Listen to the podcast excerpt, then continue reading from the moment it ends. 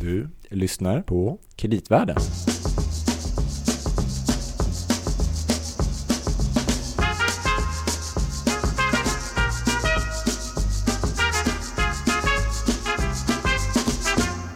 Gabriel Bergin, Louis Landeman. finns du där?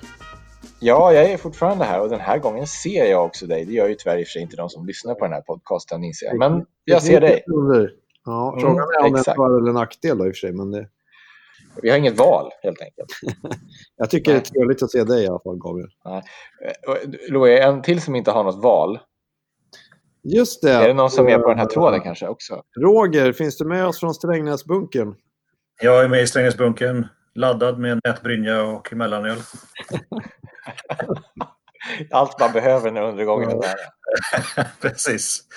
Roger Josefsson alltså. Eh, och vi har presenterat varandra och det här är en podcast som heter Kreditvärlden. Mm, ja, var med Louie och Gabriel. Exakt. Och Roger idag. Och Roger, precis. Det var ungefär två veckor sedan vi pratades vid sist. Det känns som mycket mer. Jag vet inte det, varför, men det känns som att det har hänt väldigt mycket på de här två veckorna i alla fall. Varje dag på många sätt känns lite grann som ett helt arbetsliv. Ja, Men, eh, Jag tänkte, kunde vi fråga dig först Roger, om man, eh, vi pratade ju en del förra gången om vad, vilka stödåtgärder som har satts in. Det har ju kommit en hel del till sedan dess, eller hur? ja det, ju, det kan man väl lugnt säga. Jag tror att förra gången så pratade vi lite grann om till exempel åtgärder som eh, swap-linjer mellan Fed och andra centralbanker. Mm. Som man, jag tror det var någon man hade genomfört men vi hade inte fått det i Sverige. Bara samma dag på kvällen så kom ju beslut från Fed att man eh, öppnade swaplinjer, eh, eh, i dollarswaplinjer med till exempel Riksbanken och några till. Nu fattas det fortfarande för, för, förvisso för en del andra centralbanker som kanske behöver det. Sydamerika och sådär, men, men mycket av det har ju kommit på plats sen dess. Sen har ju framförallt ECB tagit en, en, en del, del åtgärder som minst sagt har eh, lättat på, på trycket i, i den europe, de europeiska marknaden. Får jag säga också. Men de första, det känns som att vi, då var vi inne i de, för Sveriges vidkommande åtminstone, den första, andra veckan av den här perioden. Och då, Mm. det, var ju väl, det handlade ju väldigt mycket om centralbankerna. Då. Ja, det, Inte så mycket om regeringarna, vad deras åtgärder var. Nej. Nej, det som har kommit nu är ju att man liksom har finaliserat många av de här eh, krisåtgärderna även från regeringar. Sverige var, får man väl säga, finanspolitiskt var ju ganska tidigt på bollen tycker jag och har gjort väldigt mycket rätt och man fortsätter att göra rätt mycket vettiga saker eh, från, från eh, regering och riksdags sida. Eh, sen har ju också USA nu lagt ett sånt där jättepaket på 2 biljoner dollar som eh, man då ska skicka, bland annat ska skicka ut lite checkar till hushållen och så vidare. Eh, nu är, är det ju fortfarande så att frågan är ju lite grann om det kommer räcka för det är ju en engångsutbetalning och det, det, vi får väl ändå anta och utgå från att det kommer vara eh, behövas flera sådana checkar ifall den här, den här krisen blir långdragen och det verkar tyvärr bli framförallt kanske i USA där, där eh, liksom, talen ser hemska ut just nu. Men eh, det här man har gjort i USA kan man säga om man tittar lite grann hur mycket som har kommit in förutom centralbanken om man tänker på från statligt håll. Eh, USA är väl de som har gjort mest då i sitt, alltså som har störst paket eller från sin BNP, stämmer det? Eller? Ja, som andel av BNP är det ju, är det ju fantastiskt stort. Man är liksom totalt om man räknar med liksom även eh, såna här skatte, alltså när man skjuter fram skatteinbetalningar och liknande så är det, då hamnar vi en bit över 10% av BNP. Eh, så det är ju fantastiskt stora åtgärder. Och det, de direkta fiskala stimulanserna i USA är också större än någon annanstans. De är någonstans drygt 6% av BNP då. Men den, Mm. Men, men, och det är många som kanske tycker att men varför gör inte vi lika mycket? Vi borde göra lika mycket. Men det, det man glömmer bort i de här diskussionerna att det här är också, bygger också på hur det vanliga skyddsnätet ser ut. Och i Sverige är till exempel det som mycket det som kallas automatiska eh, stabilisatorer, det vill säga vi har arbetslöshetsförsäkringar och eh, massa andra, andra understöd och social, motsvarande socialbidrag och liknande då, som, som, som kickar in i sådana här lägen ändå. Så här finns det, i Europa skulle jag vilja säga som helhet, så finns det redan då eh, sådana här automatiska stöd som man då inte har i till exempel USA. Så, så jag tror man ska man får sätta det lite grann i proportion till hur systemen, de olika finanspolitiska systemen ser ut också. Men går det, att, går det att säga någonting om, om man tar Sverige då? Hur mycket kommer våran statsskuld att stiga till följd av de här paketen som vi har sett hittills då? Ja, hittills så rör det sig liksom någonstans, får jag det någonstans kring ungefär 10 procent av BNP, kanske 5-10 procent av BNP. Mm. Eh, vilket ju är en rejäl eh, stigning. Men så det, jag tror det är väldigt dumt att liksom lova att det stannar där helt enkelt. Eller, eller liksom spika fast. Det, vad det handlar om igen är ju liksom hur långdraget blir det här. För ju mer långdraget det är, skulle jag vilja säga, så kommer ju konsekvenserna och kostnaderna eh, bli allt, allt större för staten helt enkelt. Mm. Men skulle du säga att det har blivit mindre enhetligt från olika länder vad man jobbar med? Om man jobbar med den liksom akuta delen av fasen eller den med de långsiktiga konsekvenserna samtidigt? Förstår du vad jag menar? Eh, ja, fast jag, jag vet inte. Det är jättekul att höra vad ni har sett pojkar. Men jag, jag, ser väldigt lite än så länge av just de här långsiktiga. Alltså hur ska vi ta hand om det här om det nu skulle komma liksom en ny större våg till exempel i, i höst eller vi inte kan liksom dra ner på de här åtgärderna under sommaren ens, eh, vilket ju många hoppas på. Det, det har jag sett väldigt lite av. Men när det gäller de akuta åtgärderna då är det ju tyvärr tycker jag väldigt mycket var man eh, för sig själv just nu, i alla fall i Europa. Eh, man hade ju hoppats kanske att det, det europeiska samarbetet skulle verkligen gå in här och hjälpa till. Och nu har man väl börjat med att prata om att till exempel aktivera ESM stabilitetsfonder och så men det, det, tar ju ett tag och det blir ganska, om man ska vara riktigt ärlig, så ger det väldigt, väldigt små effekter för de hårdast drabbade länderna. Så det, det som är fortfarande, framförallt i Europa, så är, får man väl säga att de som tar hand om den akuta krisbekämpningen i allt väsentligt, det är fortfarande ECB. Mm. Mm, och det verkar inte som man kommer överens, men man pratar väl ett om att man skulle göra någon sån här gemensamt garanterad europeisk coronaobligation eller liknande. Men det verkar väl ha strandat eller det har, det har väl inte kommit framåt i de diskussionerna? Nej, jag tror senast idag så var väl, eh, eller om det var möjligtvis igår, så var eh, Regling som är chef för, för eh, ESM ute och pratade om det här och han sa att det kommer ändå ta ett par, tre månader åtminstone för att liksom få någon, något sånt regelverk på plats och pratar vi liksom om, eh, så, så, så, återigen, det, det, det, tar för lång tid helt enkelt. Men, men återigen, här har ju ECB, tycker jag, gått in i det ganska tydligt. Och sen är det ju så att vissa länder som ju har uppenbarligen har råd, som till exempel Tyskland och så vidare, de har ju ändå försökt att göra eh, bidra eller stimulera ekonomin ganska, ganska mycket. Och de är, har väl motsvarande ungefär 2% av BNP tror jag, i direkta fiskala stimulanser. Så, så de mm. försöker på sin, på sin sida också. Men så att där, det vi har problem med nu det är ju framförallt Italien och Spanien som ju håller på att mm. helt eh, slås ut. Liksom. Det, så att där har det blivit en så långdragen chock så här blir det svårt att starta upp igen. Ehm. Men det är ju det är intressant just det för att man tänker att det är som du säger att man ska aldrig, en kris kan alltid ge upphov till nya liksom, anledningar att ta till nya lösningar eller samla eh, annars grupper som, som mest träter med varandra. Om man tittar på den här krisen som slår nu. Tyskland har ju ehm, eh, alltså alla länder i Europa borde ju vara ungefär lika drabbade och därmed borde det kunna finnas en samsyn om de åtgärder som man vill ta till. Men som du sa, Italien och Spanien är ju tyvärr precis även här som i förra eurokrisen eh, hårdare drabbade än Tyskland. Och Tyskland har ju till exempel fler intensivvårdsplatser i utgångsläget än vad de har. Och förutsättningarna igen ser ut och ser ut på ungefär samma sätt. Ja, men det finns ju, tycker jag, en väsentlig skillnad där också. Eh, och det är ju, eller Gabriel, och det är ju att eh, då var det ju då fanns det ju liksom någon diskussion om att det var deras egen förskyllan. Det var de som hade dragit upp sin statsskuld och fört stora underskott och så vidare. Nu är det ju liksom någonting som Eh, som kommer eh, lite grann utifrån. Så jag menar, det går ju knappast att skylla Italien på, eh, eller coronaviruset på Italien, kanske inte ens på Kina som en del försöker. Så, så det tycker jag är en väldigt stor skillnad. Då kan jag tycka att då borde man verkligen vara mycket mer generös i de här fallen. Nu finns det ju tecken förstås på att man lättar upp. Liksom. Det är inte så att uh, Tyskland sätter, sig, sätter tvärstopp för någonting här.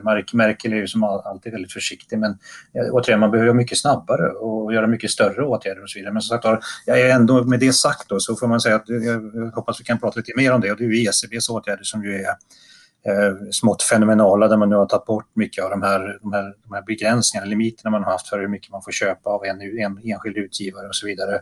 Och, och i princip har öppnat upp för att eh, totalt understödja till exempel Italien. Då. Så det, det, jag säger, jag är, även om jag är besviken på den finanspolitiska responsen och någon form av europeisk solidaritet så gör ECB, tycker jag, väl i linje med eller kanske till och med mer än vad man hade kunnat hoppas på. Men är det här mer än... Ja, förlåt. Jag bara tänkte på det här, det finns ju flera ekonomer som säger lite grann så här, whatever, whatever it takes, att nu är det bara ös på med så mycket som möjligt lite grann. Men finns det inte, finns det inte fara med det också? Jag menar, vad, vad kan bli konsekvenserna? Det är klart det ser lite olika ut för olika länder och vilket utrymme man har. Men om du tar USA till exempel. Jag menar, hur är deras statsfinansiella situation innan det här och så lägger du på ytterligare 10% av BNP? Eller Italien kanske ett annat exempel. Ja, nej, men, men du har ju helt rätt. Det, det här är ju inte... Och, eller så här, jag vänder mig mot det tror jag vi gjorde även när vi pratade om det här förra gången. Jag tycker inte att man ska stimulera ekonomin här och nu. Det, det handlar inte alls om, utan vad det handlar om här är ju bara att se till att, att liksom produktiva företag och, och hushåll har liksom likviditet eller kontant cash helt enkelt för att betala de här akuta eh, utgifterna. Och sen när, när vi återigen, när vi, när den här krisen och själva den medicinska krisen är mer överstånd, då kan vi börja fundera på att stimulera ekonomin och sätta igång igen. Men, men att säga att vi ska stimulera ekonomin här och nu, det tror jag är helt fel. Och, och, och, dessutom skulle vi göra det så är ju risken väldigt stor att vi liksom faktiskt också får se en del inflationsimpulser, åtminstone inom vissa sektorer. Mm, jag tror att det är det en, alltså det undrar, eller en tror jag också fråga vi har fått från en lyssnare är, kan man tänka sig att det kan bli någon form av hyperinflationsscenario uh, i något land på grund av det här? Eller? Eh, ja, det är klart att man, det kan bli så, men det ska ju i så fall vara förenat just med att man inte kan liksom, kan betala sina skulder och liknande, att man då försöker Eh, den vägen ta sig ur liksom, någon form av skuldproblematik, då kan man få hyperinflation. Men jag, jag tycker det ändå en ganska, det är en valid liksom, fråga. Så här, kan det här leda till inflation? För alla säger nu, nu kommer vi ha lång utdragen liksom, deflationsperiod igen och sådär. kortsiktigt kommer det säkert bli väldigt låg inflation, men samtidigt ska man komma ihåg att vi slår ju ut och förändrar mycket av våra produktionskedjor i den här processen. Eh, många företag slås ut och så vidare, så det finns ju en, en, skulle jag vilja säga, en konkret möjlighet att när vi kommer igenom det här liksom, initiala fasen så finns det väl möjlighet att inflationen tvärtom stiger rätt kraftigt. Det är i grund och botten, eller den första liksom, effekten av det här är att, trots allt att det är en så kallad utbudschock där då utbudet faller kraftigt. Så, och det ser vi faktiskt också. Jag satt och tittade på de här, jag tittar på hur, hur inflationsswappar ser ut och då tittar man ofta på de här five year five year, inflations, inflationen i snitt på femårshorisonten om fem år. Mm. Och då kan man att den gick ju ner oerhört kraftigt liksom den första månaden i de, för de länder som har det, men den har ju faktiskt gått upp rätt kraftigt nu igen. Eh, så, så här, det är ju ett exempel på att folk börjar ändå få upp ögonen för att det är inte säkert att det här ger de här deflationära trycken som man har, som man har trott, utan det ger faktiskt andra effekter också. Vad säger, om vi, om vi pratar om prissättningen, vad säger, eh, du tittar på en, höll på att säga, en amerikansk statsobligation eller någonting, vad säger den om konjunkturförloppet då? Eh, ja, föga förvånande så liksom är ju realräntorna ändå ganska förhållandevis låga. Eh, sen så har väl alla räntor kommit upp lite grann från de här initialt väldigt, väldigt låga nivåerna och det kan ju faktiskt hänga ihop med just att den statsfinansiella situationen, framförallt på lite sikt i många länder, ser ju betydligt eh, mer utmanande ut. Till exempel USA som gick in i den här krisen eh, i full högkonjunktur med enormt stora underskott och det ska ju bli eh, både intressant och säkert lite skrämmande att se hur, hur marknaden kommer reagera nu när man, när man då ser hur att skatteintäkterna faller som en sten samtidigt som utgifterna kommer att skena här under de närmaste månaderna. Hur tar man emot det? För menar, nu pratar vi om den amerikanska marknaden som ändå är förhållandevis viktig, årets understatement för, för finansiella marknader i övrigt också. Mm. Men vad är mekanismerna som skulle leda till en, en högre inflation? Är det att liksom produktionskedjorna har slagits ut och man måste bygga upp dem på nytt? Det finns massa flaskhalsar och produktionskostnaderna ökar. Eller vad är... Bara så man det sig. Ja, det är en massa flaskhalsar, det är svårt att få tag på material. Eh, man kan också tänka sig liksom att eh, helt enkelt viss, viss supply eller helt enkelt försvinner. Och, menar, typexemplen är väl på det som vi ser redan nu när man ska efterfråga sjukvårdsmaterial där kostnader bara har skenat för, för många länder. Och, menar, det är väl ett, ett exempel på hur, hur, det kan se ut kortsiktigt. Långsiktigt så handlar det mer om att vi kanske måste eh, skapa nya liksom, försörjningskanaler av varor. Vi har ju pratat mycket om det här som kallas för just in time och det tror jag liksom lite grann kommer att förpassas till, till historien. Så vidare att man nu inser att vi behöver ha liksom lite grann av överflöd i de här produktionskedjorna. Vi behöver ha fler produktionskedjor, vi behöver ha närmare produktionskedjor och allt det här är sånt som i alla fall i våra delar av världen borde leda till högre kostnader. Mm. Det var dagens spaning kan man säga. Att uh, just in time kommer förpassas till historien. Jag tycker vi kan följa upp det om tio år. ja. Men eh, Roger, vad skulle du säga är risken för att vi hamnar i någon form av depressionsscenario då, om det biter sig fast den här arbetslösheten? Det är det en ganska stor, ganska stor risk? Eh, först och främst är det ju, en, är hemskt att liksom, prata liksom om den här depression. För jag vet inte riktigt. Först och främst, det är väl ett av de där, debatt, eller ett av de där orden som vi slänger oss med. Det gjorde vi även under den, den finansiella krisen för tio år sedan. Men, men först och främst så är inte depression liksom tydligt definierad. Vad är det för någonting? Men det är väl lite grann det du är inne på, Louie, nämligen att vi har en långvarig och väldigt hög arbetslöshet. Eh, och det är klart att återigen blir, blir det så stora förändringar. Det är ju också därför det är så viktigt att vi underhåller, att staten går in och hjälper eh, produktiva företag och ser till att de kan fortleva även efter den här krisen. För risken är att det slås ut och liksom, det är många som tänker att ja, men, då kommer det bara in någon ny och, och liksom köper de här företagen och sätter igång igen. Men det är ju inte alls säkert. För du får ju en massa som dock har slutat och du har sagt upp en massa människor. Så liksom, vi startar ju inte bara, liksom, trycker inte bara på på-knappen igen, även om vi hoppas det, utan vi måste ju starta om en massa saker och anställa om och bygga om en del produkter. Alltså, bygga anläggningar helt enkelt också, fabriker och, och etc. Och det är det som, som gör att vi kan ha en väldigt hög och långdragen arbetslöshet. Så det, det är klart att det finns en risk för att vi får det. Sen om man ska kalla det depression eller inte, det får vi väl återkomma till. Men ja, det har samtidigt väldigt svårt att se för jag tror att det, de delar av världen som vi nu pratar om i alla fall så gör man väldigt mycket just för att bevara strukturen intakt och se till att många företag ändå kan överleva nu under, eh, under de här mer intensiva fasen. Mm. Men hur väl beskaffade är staterna att avgöra vilka branscher och vilka företag som kommer vara produktiva efter den här krisen? Inte alls förstås. Jag menar, en retorisk fråga såklart, men också. Men, nej. Nej, men alltså, vi har, det, det, det är också en viktig, det är jättebra poäng Gabriel, men det är viktigt att komma ihåg att staten ska inte gå in och själv avgöra det. Men det är väl också därför som, nu är det framförallt genom, genom Riksbanken man gör det och Riksbanken i sin tur gör det genom bankerna där man då ser till bankerna att ja, ni lånar ut eh, och känner era kunder bättre eh, än vad vi gör. Så då lånar ni ut till de som ni bedömer vara livskraftiga och så vill man då, eller hoppas man då att bankerna ska göra det eh, förstås eh, mot bakgrund också av vad den mer långsiktiga effekten av coronakrisen kan bli. Då. Så att man lånar ut till, till rätt företag helt enkelt och i rätt mån. Så, så, så, det är ju den vägen vi ska ta.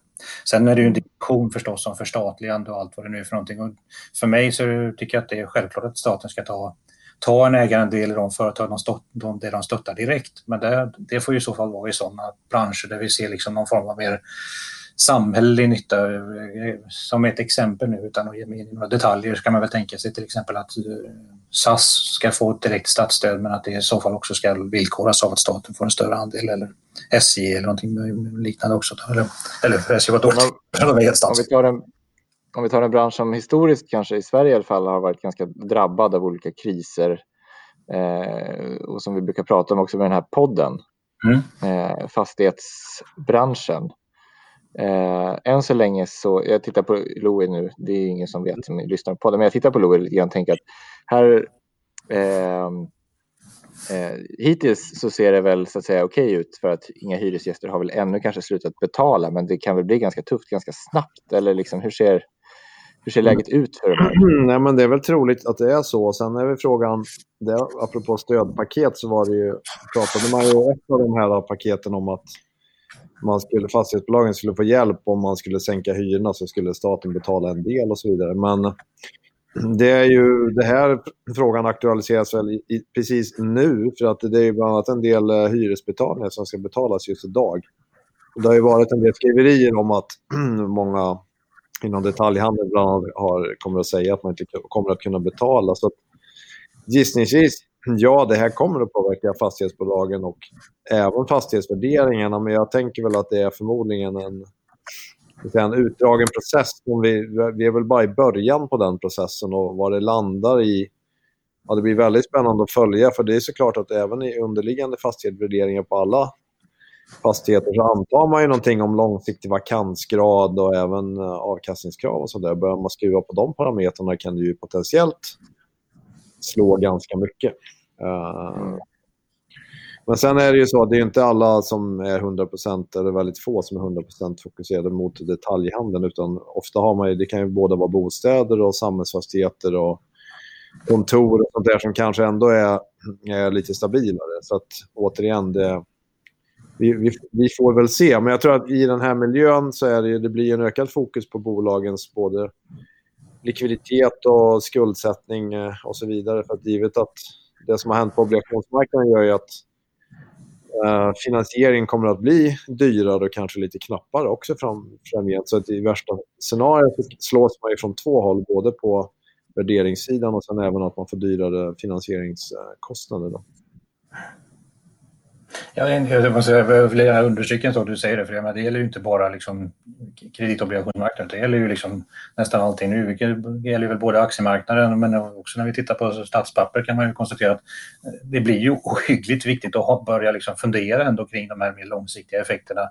För det är klart att liksom, eh, kommer skatteintäkterna öka i betydligt lägre omfattning framöver eller intäkterna generellt att öka i lägre omfattning framöver, då kommer ju det slå oerhört kraftigt på, på aktiemarknaden utifrån även från de här nivåerna. Det ser såklart likadant ut tycker jag på, på obligationsmarknaden. Så för mig är det där den kanske allra, allra viktigaste frågan, men självklart också den som är svårast att besvara. Ja. Jag tänkte det vore intressant att prata lite mer faktiskt om aktievärderingar, men jag tänkte en grej apropå vad har hänt sen vi pratades vid sist, som jag tror att många har funderat lite på. Det är ju på vården eller på ränte och kreditmarknaden så har det ju varit äh, ganska turbulent och även där äh, har ju fått se minskade värden i flera, flera fonder på den sidan och flera som stängde för handel för att man hade svårt, man pratade om att det var svårt att prissätta och så vidare. Så det kanske kan vara värt bara att lägga några ord på och fundera på det här med varför var det så svårt att prissätta saker. Och det, egentligen är det väl så att precis som eh, på aktiemarknaden så har det ju varit på räntemarknaden också ett, ett fokus på likviditet. Man blev, eller är väldigt riskavert jämfört med tidigare. Och då har ju väldigt stora prisrörelser uppstått. Och då blir det på vår marknad, det blir, ökar ju osäkerheten kring var, var ska varje enskild tillgång eller obligation handlas vid en viss given tidpunkt. Och eh, det är ju inte riktigt så att eh, alla papper omsätts hela tiden utan beroende på vilket företagsobligationer eh, man har, om det är en rating eller inte rating, om det är high yield eller inte high yield, så är det ju kan man ju säga olika likviditet och olika svårt att omsätta de här olika eh, papperna. Och även om vi upplever att eh, om man säger marknaden för bolag med hög rating och god kreditkvalitet har fortsatt att fungera väldigt väl hela tiden så är det ju så att och det kanske många inte tänker på, men speciellt marknaden för high yield är ju en mäklad marknad. Det är ju inte så att det finns några likviditetsgaranter, utan ska man sälja någonting måste man hitta en köpare på andra sidan. Och då blir det ju väldigt stora prisrörelser, helt enkelt. Eh, så där ligger väl en, en stor del av förklaringen. Och någonstans i spåren av det här så tror jag att många nu kanske mer och mer förstår att även om man tittar på en räntefond så blir det även viktigt att fungera på, det är inte bara att det heter att det är en räntefond utan vad är de största innehaven man har? Och att det blir väldigt stor skillnad, i, kan vara stor skillnad i risk mellan olika fonder beroende just på vilka bolag man är investerad i. Men, men Louis, en sak som jag, som jag kommer i kontakt med många gånger, jag pratar med det är liksom, vem, vem är det som, alltså vad är er bild, vem sitter liksom, vem äger den här Eh, den här, de här företagsobligationerna. Just de kreditfonder eller räntefonder är ju en sak, men liksom, eh, hur, hur, ser det till exempel ut i, i, pensionsbolag och så vidare? Är de en stor ägare av det och hur hanterar de det här egentligen? Ja, men så är det ju. Så att det är ju, fonder och pensionskapital är väl de två största, eller två av de stora grupperna i alla fall. Uh, och lite intressant nu vad vi ser är väl att Eh, jag menar, under de senaste åren när vi hade mycket inflöden till fonder så har ju de varit en väldigt stor nettoköpare. Eh, men under den här perioden när de har haft utflöden så kan vi säga att när prisnivån har förändrats så har vi väl även sett att de här, om man säger de typen av aktörer som inte behöver kanske eh, prissätta varje dag, kan tänka långsiktigt, har tyckt att det varit väldigt attraktivt och kommit in på andra sidan. Och det kan jag tycka själv är väldigt positivt. Så det har ju varit det har inte varit så att hela marknaden har varit frusen utan det har ju varit god omsättning. Men sen är det en annan grej och det kan man ju se både bland svenska banker men jag har sett även liknande data från USA till exempel att det här man tittar på om man säger inventories i förhållande till storleken på marknaden så kan man säga att om man går tillbaka i tiden före finanskrisen så hade ju många mäklare och banker som var aktiva på den här marknaden egen, stora egna lager och tog stora egna positioner. Men det är ju någonting man har velat komma ifrån i samband med finanskrisen. Bankerna ska inte ha den typen av risk har man ju tyckt. Och det, man har ju så att säga, pris, man måste prissätta den risken ganska högt eh, om man nu ska ha det. Så det, det gör ju att det finns ju inte någon stor kapacitet eh, för någon marknadsaktör att liksom plocka på sig risken om man säger då. Utan till stora delar ska ju det här ändå omsättas och mäklas vidare. Uh, Nej, jag förstår att det där kan vara en, en känslig fråga givetvis från, från bankernas sida. Men för mig, för mig som är lite mer utomstående kan man konstatera att det är ju, en sån här, alltså det är ju det här med att vi alltid reglerar den förra krisen. Menar, ett, av, ett av de saker som faktiskt dykt upp nu, när jag har sett att till exempel JP Morgan har varit ute och pratat om också det här som du pratar om Louis, nämligen att ja, men vi, vi, om det inte nu regleringen sett ut som de gör nu så hade ju vi faktiskt kunnat hjälpa till nu istället. Liksom. Uh, den här krisen och stötta marknaden istället för att liksom, vi, nu kan vi inte ta på oss någon risk alls trots att vi ser att det ser uppenbarligen väldigt attraktivt ut på många håll och kanter. Mm. Det kan helt enkelt inte Särskilt inte nu kanske för att sådana här VAR-modeller säger väl att det är jätte, jättehög kostnad för att hålla sånt här. Mm. Precis. Men eh, lite där kan man väl säga har varit problemet kanske med de här räntefonderna. Att när det har varit, om man går tidigare tillbaka och det har varit väldigt små prisrörelser för att det har inte omsatt så mycket så har ju, om man tittar på sådana här varumått och sånt så har det sett ut som att det här är en extremt stabil tillgång. Och då har man ju i den bemärkelsen kanske underskattat risken och om man då tror att man likställer en, en räntefond med att det är som ett bankkonto så, så kan det bli lite missförstånd kring, kring just hur, hur likviditeten är. Mm. Och det är, väl det, det är väl det man har sett nu lite grann. Då. Men är det liksom bara likviditeten just nu som påverkar, frågar jag som just nu är utan, utanför marknaden, men är det, det, är väl inte bara likviditeten som påverkar priserna just nu utan det är väl också antaganden om att kreditrisken har ökat ganska mycket. Ja, och det, det är ju en väldigt bra poäng. Därför att om man tittar på high yield-marknaden specifikt som såklart påverkas kanske mest av det här med vad tror jag om konkursrisken så i grunden är det ju så att nu prisar man in en, apropå vad prisar olika instrument på räntemarknaden inför scenarier framöver och just nu så kan man väl säga att man prisar väl in en konkursrisk på kanske 10-12 procent eller någonting i den stilen på high yield-marknaden. Vilket är att likställa med någonstans strax under nivån där det pikade under finanskrisen. Um, och det väl, känns väl egentligen ganska rimligt men sen blir, då kommer man tillbaka till vad vad tror vi kommer hända? Skulle vi komma in i någon form av depressionsscenario? Då kan det såklart bli ännu mycket mer. Men å, an å, andra sidan, man kan väl säga att prissättningen påminner kanske väldigt mycket om aktiemarknaden. Att nu börjar vi prisa in det här recessionsscenariot börjar man kunna se som inprisat och då skulle man kunna hävda att om vi tror på det och att det en, en sen kommer att förbättra sig uh, med någon peak defaults, då ser ju krediter billiga ut uh, här och nu i, i rätt bolag, eller i, i, starka bolag. Kan man säga. Att man får bra betalt i alla fall för att ta den här typen av risk just nu. Fast, fast, där är man ju inne på någonting som jag, jag faktiskt måste erkänna att jag vänder mig lite grann för. Jag, jag menar, nu tycker jag man läser dagligen att uh, daytraders gör stora vinster på kursrörelser och allt vad det är för någonting. Men problemet med den här krisen lite grann igen är ju att den är inte finansiell. Det är, liksom, det är svårt ja. att hända det är liksom att ja, men, nu har det kommit in stöd och centralbanken har liksom sänkt räntor och allt vad det är för någonting så därför ska det, kommer det bli bättre snart igen. Det, det, så kan vi inte resonera den här gången utan vad det handlar om här är ju liksom helt enkelt hur långvarig och hur, liksom, hur djup kommer den här, den, här, den här medicinska krisen att vara helt enkelt.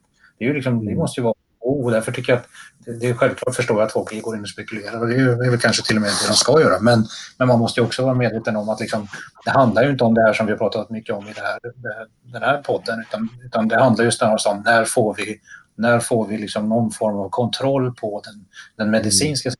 För mig ligger den, som det verkar, fall, ett tag bort fortfarande och därför tycker jag att eh, man får ju, ju ha det i åtanke också helt enkelt. Men det är väldigt bra poäng. Men utifrån det du säger då Roger, om vi, om vi pratar lite om aktiemarknaden och tittar på just...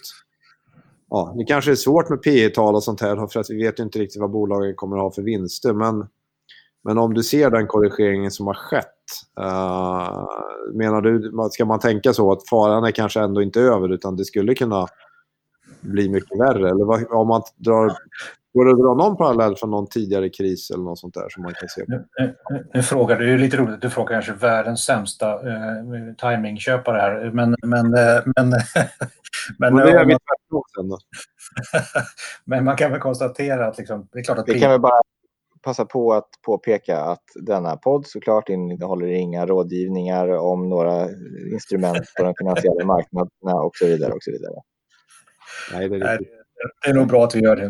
Nej, men, ja. Emil, för ta, men, nej, men, nej, men det handlar ju egentligen inte om något, något råd, utan det är bara att försöka förklara liksom hur man, i alla fall från, från den här nationalekonomens sida, ser på på utvecklingen. Så att för mig, återigen, så P talen har kommit ner i vissa fall väldigt kraftigt och de är ganska långsiktigt, om vi pratar om den här Schiller uh, cyclically adjusted P tal och så vidare som har kommit ner till 2014-15 års nivåer och så vidare. Så, så det är klart att det har, det har skett en rejäl sättning.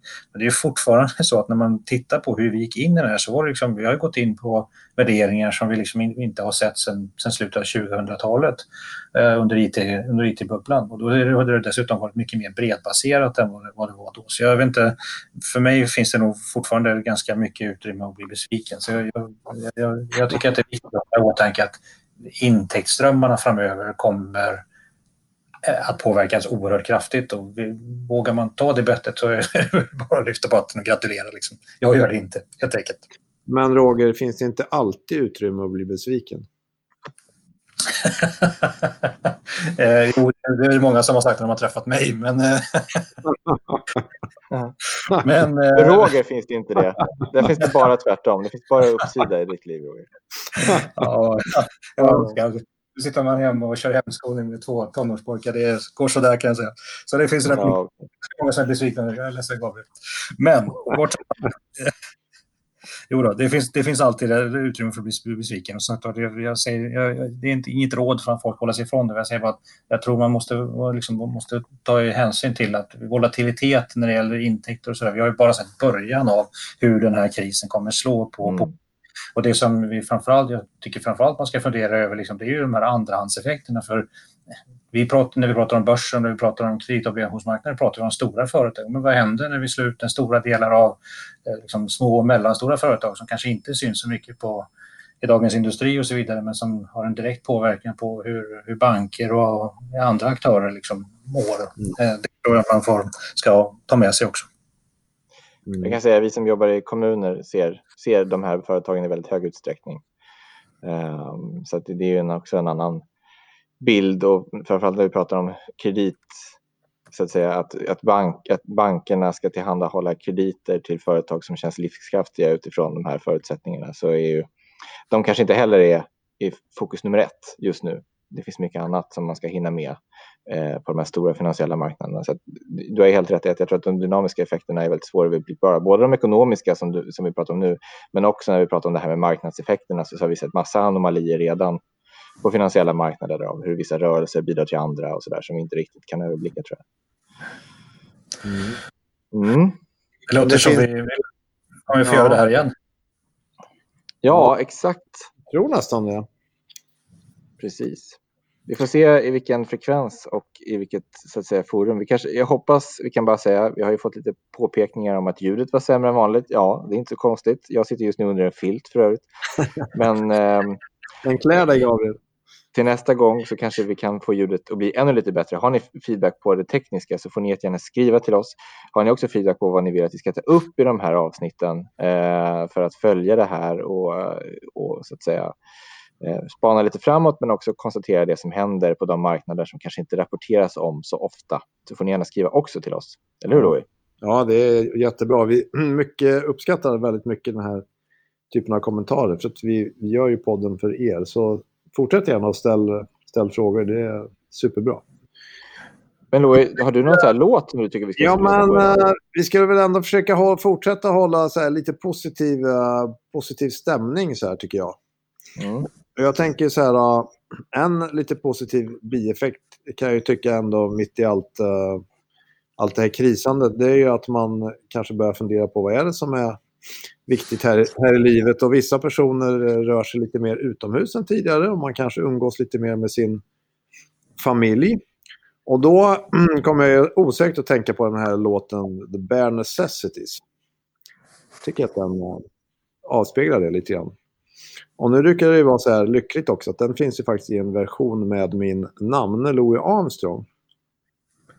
Skulle inte vi kunna lyssna på den lite grann avslutningsvis, Gabriel? Det tycker jag låter utmärkt.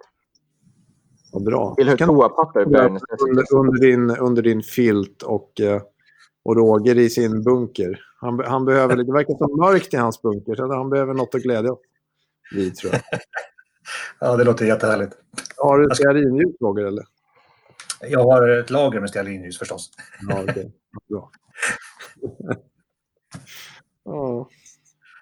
ja, men då så. Mina herrar. Ja. Vi hörs. Det återstår bara för idag. Stort tack Roger Roger och Gabriel. Tack själva. Oj!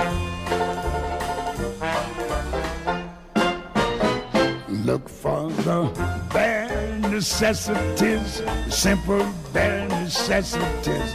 Forget about your worries and your strife. I mean the bare necessities Mother Nature's recipe. Bring the bare necessities of life. Wherever I wander, wherever I roam. I couldn't be founder of my big home. The bees are buzzing in the tree to make some honey just for me. You look under the rocks and plants and take a glance at the fancy ants, then maybe try a few. The bare necessities of life will come to you. Look for bare necessities, simple bare necessities. Forget about your worries and your strife. I mean the bare necessities. That's why a bear can rest at ease with just bare necessities of life. So just relax, yeah, in my backyard. If you act like that bee act, you're working too hard. Don't spend your time just looking around for something you want can't be found. You find out you can live without it and go along not thinking about it. It tells you something true. The bare necessities of life will come to you. They'll come to you. They'll come to you. They'll come to you.